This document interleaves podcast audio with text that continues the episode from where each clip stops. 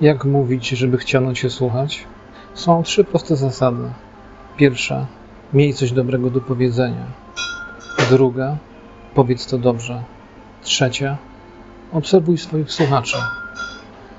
Ta pierwsza jest najważniejsza. Miej coś dobrego do powiedzenia. Jeżeli tego nie masz, nawet nie zaczynaj mówić.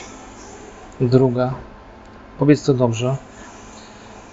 To już są kwestie bardziej techniczne, ale chodzi przede wszystkim o to, żeby powiedzieć to wyraźnie, spokojnie. I wreszcie trzecia, obserwuj swoich słuchaczy. Co to znaczy w praktyce?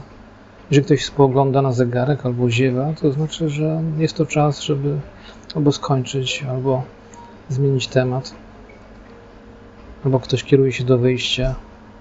To są wyraźne sygnały, więc czytaj te sygnały swoich słuchaczy. To tyle.